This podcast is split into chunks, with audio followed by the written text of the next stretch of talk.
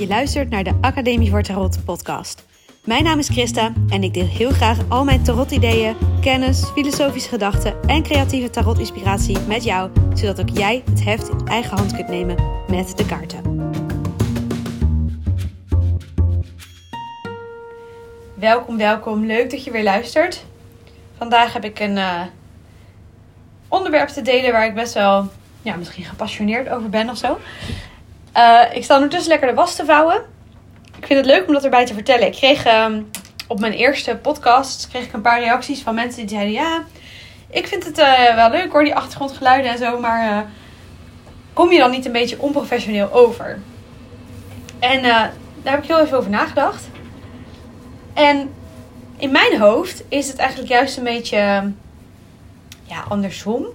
Ik vind het leuk om met je te delen dat ik ondertussen ook andere dingen aan het doen ben. Juist omdat ik voor me zie dat mensen die naar deze podcast luisteren ook ondertussen andere dingen aan het doen zijn. En op deze manier voel ik me een beetje verbonden met mijn luisteraars. Dus misschien sta jij nu ook wel de was op te hangen. Of zit je in de auto, ben je onderweg. Of weet je, veel mensen luisteren podcasts toch wel on the go, denk ik. Hoewel prima ook als je gewoon lekker op de bank ligt en verder helemaal niks anders doet dan naar mij luistert. Maar uh, dat vind ik juist het leuke aan dit medium. Dat ik gewoon iets aan het doen ben. Ondertussen mijn gedachten met je kan delen. En dat jij, waar je dan ook bent, nu op diezelfde manier je lekker je eigen ding kan doen. En ondertussen naar mij kan luisteren. En ik denk niet dat dat iets te maken heeft met uh, de kwaliteit van de inhoud. En daardoor heb ik ook niet het idee dat het dat minder professioneel maakt. Um, en ja, als je dat wel denkt, dan moet je dat vooral denken. Maar ik vond het wel leuk om dat, om dat even te delen, die context. Dat ik dus niet alleen maar. Ik zeg niet van hé, hey, ik ben dit aan het doen. Niet alleen om me te verontschuldigen voor eventueel achtergrondgeluid. Hoewel dat denk ik wel is hoe ik het de afgelopen keren heb geformuleerd. Maar ook omdat het een soort, voor mij een soort gevoel van gezelligheid geeft. Van hé, hey, ik ben verbonden met de mensen die naar me luisteren. Want ik ben gewoon mijn ding aan het doen, door de dag aan het gaan. En jij waarschijnlijk ook. Uh, ik realiseer me nu trouwens dat je vandaag misschien ook mogelijk extra achtergrondgeluid hebt van de Um, uh, hoe heet dat ding? De, de boiler, de, de gijzer, de, nou ja. Uh, want mijn man die staat beneden uh, de keuken schoon te maken. Dus als hij warm water gebruikt, dan hoor je dat ding aanslaan. Nou ja, weet je, ik vind het gewoon lekker huiselijk. lekker huiselijk.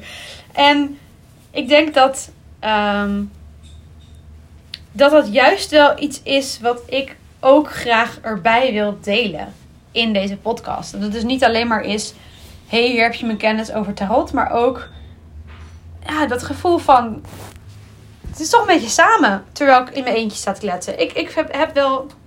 Ik voel dat in elk geval wel zo. En misschien dat jullie nu echt denken: ja, uh, onzin, je zit gewoon in je eentje te kletsen. Dus uh, hoezo verbonden? Maar nou, ik ervaar dat wel op die manier. Dus nou, dat even een stukje context over hoe ik deze podcast uh, produceer. Nou, dan uh, het onderwerp van vandaag. Ik wilde het hebben over het aangeven van je grenzen als je een consult aan het doen bent. En ik vind dit een heel belangrijk onderwerp. Ik zei al, ik ben een soort van gepassioneerd wel erover. Omdat ik het super belangrijk vind dat degene die bij mij bij een consult komen, dat die ook doorhebben dat er een bepaalde grens zit aan wat ik met de kaarten kan en wil doen. En ze daar ook een soort van ja, respect voor bijbrengen of zo. Het is bijna alsof ik de mensen die bij mij komen ook een beetje wil opvoeden over hoe tarot voor je kan werken. Waarbij ik heel graag wil en het doel heb om degene die bij mij een consult uh, afneemt, ook uh, eigenlijk eigenaarschap te geven over eigen keuzes. En ook juist die ander ja, in zijn of haar kracht te zetten. Nou vind ik iemand in zijn kracht zetten eigenlijk best wel een beetje een vage term die ik over het algemeen liever niet gebruik, maar ik denk dat dat het hier wel is. En dat doe ik onder andere door mijn eigen grenzen aan te geven. En daarmee bedoel ik dat als iemand bij mij komt en diegene die wil eigenlijk graag een soort toekomstvoorspelling van mij, dan leg ik heel rustig uit dat dat niet is hoe ik, hoe ik werk, uh, dat ik er niet in geloof dat je uh, kunt voorspellen met de kaarten of dat als dat al kon, dat je er dan niks aan zou hebben. En dat mijn doel eigenlijk is om mensen naar huis te sturen met een soort to-do-list. En inzichten over wat ze zelf kunnen doen om hun situatie uh, ja, naar hun eigen um, wensen te verbeteren. En uh, ja, het zelf het heft in eigen hand te nemen. En om dat voor elkaar te kunnen krijgen, om bij die ander gevoeld te kunnen geven van hé, hey, maar je hebt daadwerkelijk iets wat je zelf kunt doen aan deze situatie. Je kunt daadwerkelijk je eigen keuzes maken. Je kunt dingen anders gaan doen. Je kunt uh, meer controle hebben over deze situatie. In plaats van te ervaren dat je een soort speelbal bent van het lot.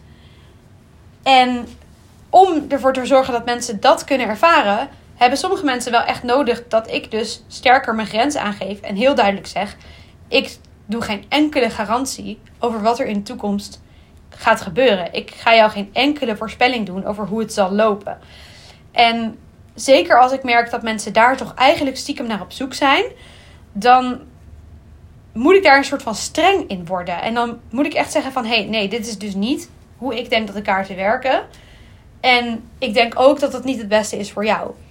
En als we het op dat punt oneens zijn, weet je, dan uh, geef ik diegene ook de kans om te zeggen: laten we dan het consult stoppen. Dat is trouwens nog nooit echt gebeurd, dat iemand dan echt wilde stoppen. um, maar sommige mensen zijn wel oprecht verbaasd.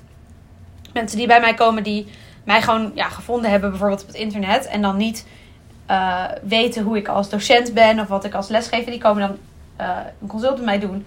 Of vaker nog, eigenlijk is het niet mensen die mij via het internet vinden, maar ik zit ook wel eens op feestjes bijvoorbeeld. Dus dan word ik ingehuurd.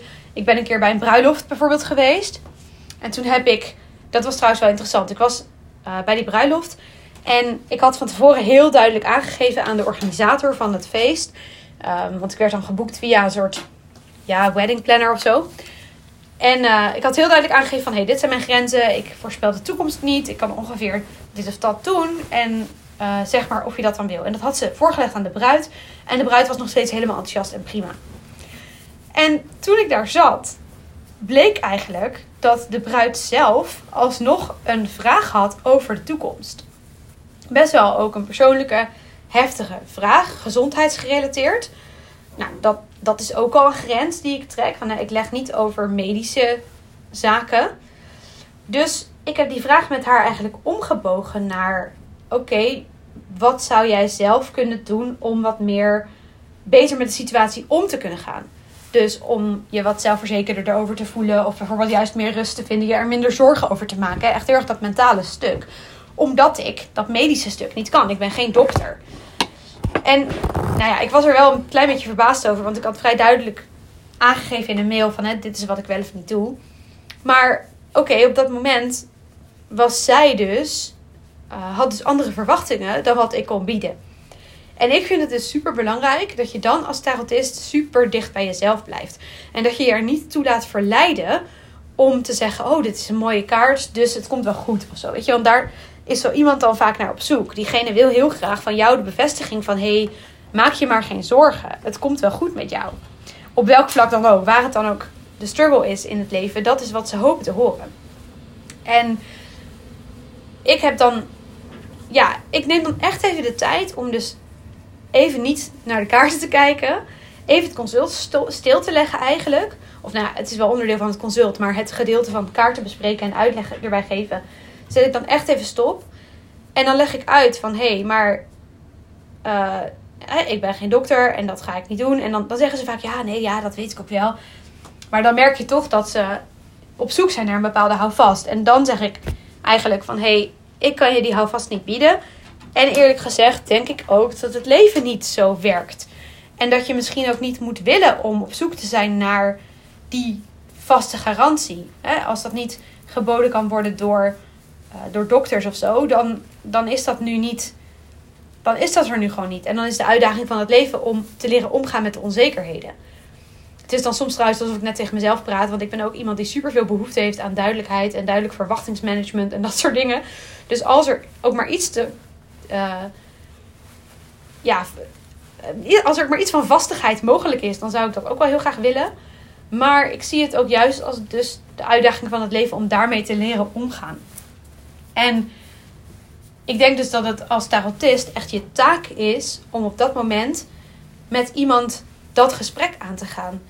En ook op een feestje, ook als je weinig tijd hebt per persoon, niet je te laten verleiden tot, oké, dan doe ik wel een beetje een uitspraak over die kaart. En dan zeg ik wel, oh, dit is een mooie kaartwand of zo. Want dat gebeurt, hè. Ik, ik, uh, ik hoor het cursisten bijvoorbeeld wel doen. Dat ze dan in de kaarten op zoek gaan naar een positieve boodschap. Omdat ze iemand gewoon zo graag willen helpen. Maar iemand is niet echt geholpen met een valse belofte of zo. Of met een soort valse hoop van het komt wel goed. Dat geeft op dat moment misschien, dan ben jij in het gesprek, voelt het fijn, voelt het alsof je iemand iets gegeven hebt. Maar op de langere termijn, diegene staat, daarna gaat het leven van die persoon gewoon door. Met gewoon nog steeds dezelfde uitdagingen als daarvoor. Dus ik zie het heel erg als mijn taak om mensen te helpen. Om te zien hoe kan ik omgaan met mijn situatie. Hoe kan ik de uitdagingen die het leven mij geeft zo goed mogelijk het hoofd bieden. Daarin mijn eigen uh, mogelijkheden verkennen zien waar de grenzen liggen van wat een mens wel of niet kan beïnvloeden in het leven. En dus onderzoeken met de kaarten, wat kan ik wel beïnvloeden? Hoe kan ik mijn leven verbeteren? Maar ook als ik dat niet kan en als er grenzen zijn aan wat, er, wat het leven me nu eenmaal, de kaarten die mij nu eenmaal, um, ja, ik zeg nu de kaarten die nu eenmaal mij ten deel gevallen zijn, zoals het leven je, de hand die jou toebedeeld is. Nou ja, oké. Ik, ik was niet eens van plan deze dubbele beeldspraak, deze beeldspraak erin te gooien, maar goed. Ehm, ja, om het te doen met, met daarmee. En ja, als, als jij een bepaalde gezondheidskwaal hebt in je leven, dan kun je aan een tarotist niet vragen hoe los ik dat op. Want daar zijn andere specialisten voor. Maar je kunt wel aan een tarotist vragen hoe kan ik hier beter mee omgaan? Hoe kan ik ervoor zorgen dat de stress die het mij bezorgt verminderd wordt? Of misschien wel, ehm, hè, wat voor hulp kan ik nog vragen van andere mensen? Of hoe kan ik nou ja, het is, het is toch wel vooral dat stukje mentale uh, steun die je dan bij een tarotist wel kunt vinden. Die echt meer gaat over copingstrategieën. Hoe ga ik om met? Maar absoluut niet. Hoe kan ik dit probleem oplossen? Want dat zijn dus grenzen uh, aan wat de kaarten kunnen laten zien. Natuurlijk zijn er ook mensen die wel geloven dat je dit soort dingen in de kaarten kunt zien. Uh, maar dan moet je niet bij mij zijn. Dus daar kan ik heel kort over zijn. um, er zijn gewoon bepaalde grenzen voor mij. En een van die grenzen is toekomst. En een andere grens is gezondheidsissues. En voor mij is het dus super, super belangrijk om me niet te laten verleiden tot uitspraken waar ik niet achter kan staan. En als ik er niet uh, achter kan staan en iemand is niet tevreden, weet je, dan geef ik diegene liever geld terug. Dat is overigens mij nog nooit gebeurd. Het is mij, mij nooit gebeurd dat iemand dan zei: Oh, maar in dat geval uh, heb ik niks aan je dat heeft heel erg te maken ook met de communicatie vooraf. Dat ik echt wel duidelijk aangeef van... hé, hey, maar je hebt kunnen lezen dat ik dit niet doe. En dan, ja, zijn ze soms wel teleurgesteld... maar dan gaan ze er wel in mee in hoe ik het wil doen. En op een feestje is dat natuurlijk sowieso dan niet zo relevant. En eh, gaat het sowieso om kortere uh, sessies en heb je heel andere gesprekken. Um, en die mensen betalen ook niet zelf. Dat is dan door de organisator van het feestje. Dus dat is een andere situatie. Uh, maar goed, ik dwaal een beetje af. Ik, ik wilde vooral dus zeggen. Dit is, dit is denk ik echt mijn taak als tarotist. Om te zeggen, hier is een grens. Er is een grens in waarmee ik je kan helpen. Er is ook een grens in waarmee ik wil helpen. Ik ben ook geen psycholoog. Weet je, dus um, als ik vanuit de kaarten tot bepaalde inzichten kom met degene voor wie ik het consult doe, dan is het echt aan die ander om de conclusies te trekken van... hey, is dit iets wat ik wil uitproberen? Is dit iets wat bij mij past? En natuurlijk, iedere tarotist neemt ook eigen kennis mee. Hè? Als je zelf wel eens in therapie bent geweest... of wel eens goed advies hebt gehad of whatever. Natuurlijk neem je dat mee in uh, wat je iemand vertelt die uh, die problemen ervaart. Maar er is nog best wel een verschil tussen... Ja, samen met de kaarten ergens over spreken en mogelijkheden verkennen en jezelf echt neerzetten als hulpverlener. Want dat ben je dus niet. Je bent iemand die meedenkt, mee filosofeert. Je kan naast iemand staan, maar je bent geen, uh, je bent geen zorgverlener. En ik denk dat, dat, dat veel mensen die uh, naar de kaarten komen, dat wel soms hopen ik denk wel dat daarin iets aan het veranderen is hoor. Ik zie ook wel steeds meer dat mensen uh, wel zien hoe de kaarten werken. In ieder geval ook hoe ik met de kaarten werk. En die zijn het dan daar wel mee eens. Maar er zijn ook nog steeds mensen die, die graag eigenlijk komen voor een stukje houvast.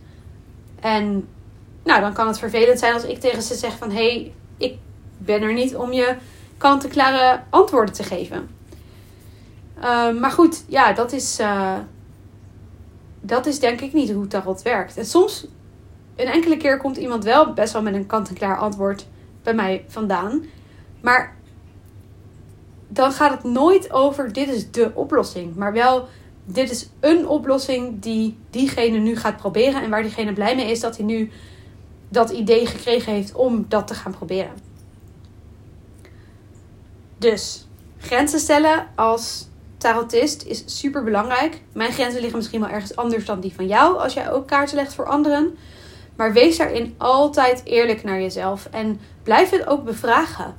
Want je moet ook weten dat je best wel wat invloed hebt op de mensen voor wie jij kaarten legt. En dat mensen jou echt wel zien als een autoriteit, want jij weet wat die kaarten betekenen. En ja, het is denk ik super belangrijk om ook daarin de grens duidelijk te maken. Goed, tot zover voor vandaag.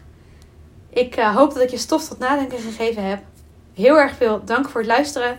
Als je wil reageren, stuur me gerust een mailtje of een berichtje via Instagram. Vind ik hartstikke leuk om van je te horen.